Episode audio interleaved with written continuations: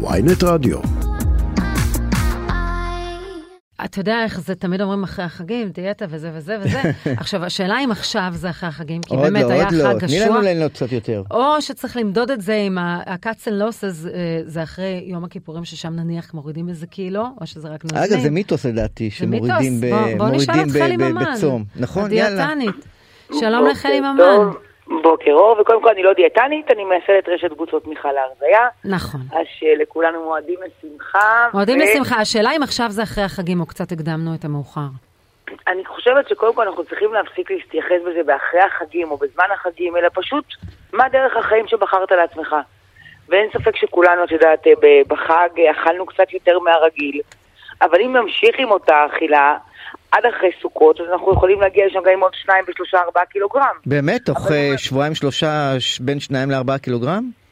תקשיב, אם אנחנו נמשיך את האכילה שהייתה בחג, אני לא יודעת מה היה אצלכם על השולחן, אבל היה, אני היה, ראיתי גם היה, בדיוק- בואי. היה אבל גם אני היה ראיתי אצלי. בדיוק איך, איך היה אצלנו בשולחן החג ומה קרה שם. רגע, אבל רגע, אבל באמצע, באמצע, כמו שהזכירה שרון, יש גם צום, אה, את יודעת, של אה, 24 שעות. אז השאלה, ב, ב, ב, האם באמת צום אה, מאזן את, ה, אה, את הקלוריות ואת השומנים, או שזה סתם, אה, את יודעת, אתה יודע, זה הכל תלוי מה אני אוכל לפני הצום ואיך אני מסיים את הצום. בצום עצמו אתה יכול לרדת במשקל, אבל אם לפני הצום אכלתי ארוחה גדולה ועתירה בקלוריות שהיא הרבה יותר מהרגיל, וכשסיימתי את הצום עשיתי שם בכלל חגיגה אחת גדולה, אז בואו, אתה יודע, זה לא הצום. הצום עצמו נשים אותו בצד. אבל אני חושבת שמה שחשוב באמת להסתכל על התקופה הזו של אנחנו נכנסים עכשיו ה- כמעט חודש ימים ל... לימים של חגים, וימים של שמחה, וימים של ארוחות הרבה יותר גדולות ממה שאנחנו רגילים. הרווחנו דבר אחד השנה, שהחגים נפלו רובם בסוף השבוע. אז אין לנו גם באמצע שבוע ימי חג ועוד סוף שבוע שהוא אתגר להתמודד איתו ברגיל. פשוט חברים, לקום היום בבוקר, אני כבר עם מנהלי ספורט, לצאת לעשות ספורט, להרגיש טוב עם עצמך, לאכול מאוזן במהלך השבוע, עד יום הכיפורים, כי באמת אנחנו יכולים לבחור את זה בדרך חיים ולא להסתכל על זה ב... אחרי החגים אני אחזור לתהליך. וכל השיטות האלה של אז להרבות בחלבונים על חשבון פחמימות, נניח לאכול טוב בחג והכל, אבל פשוט לצמצם את מספר סוגי הפחמימות שצורכים. תראו, בואו, זה לא סוד הרי שאת יודעת, פחמימה היא לא החבר הכי טוב של הגוף שלנו. אוקיי? זאת היא דווקא שלי חבר מצוין. הוא חבר כן, אבל מה הוא עושה לגוף שלנו? להביא את הנפש. לנפש הוא חבר מצוין שלנו, אבל איך, איך הוא מתפרק בגוף שלנו, כולנו יודעים שזה פחות מפרגן לנו. אז כן, אני, אני אישית, לדוגמה, אומרת תמיד בחגים, קצת אה, אורז, תפוחי אדמה, יש לי כל השנה. אני מעדיפה לאכול את הגפילטע פיש אצלנו בבית קצת יותר, או את הבשר שאנחנו לא אוכלים במהלך כל השנה, שמכינים אותו בצורה מיוחדת לתקופת החג. אז כן, אם אני אוכל לצמצם קצת בפחמות ולאכול יותר חלבונים, זה יכול להיות נהדר.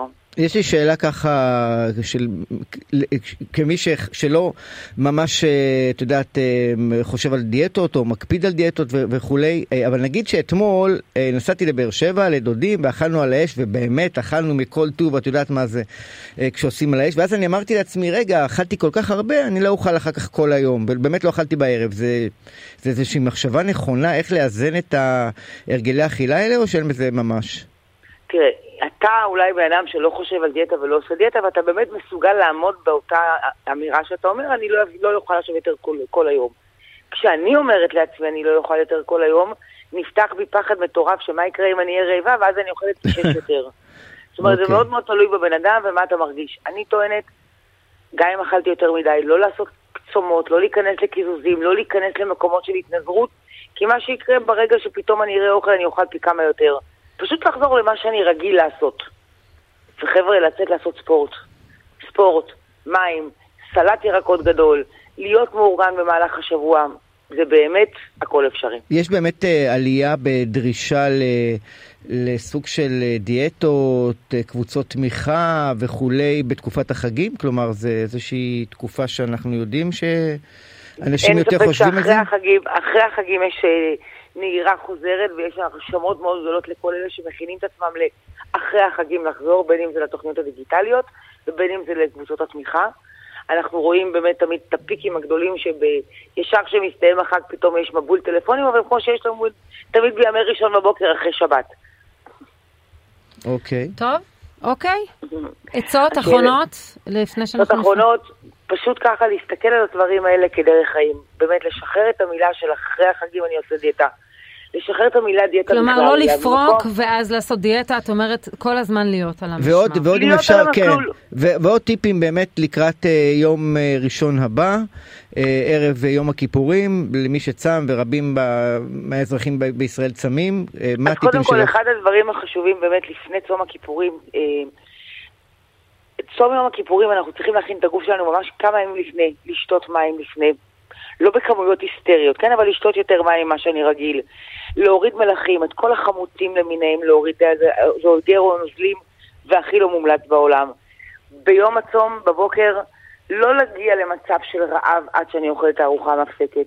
לאכול ארוחות קטנות במהלך היום כדי לא להגיע מורעב.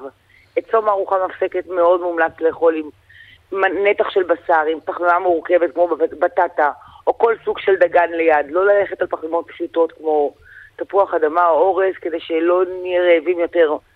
לשתות במהלך היום הרבה מים. ממש להכין את הגוף לצום, ואת הצום להיכנס, להיות במנוחה, לא לעשות ספורט באותו יום.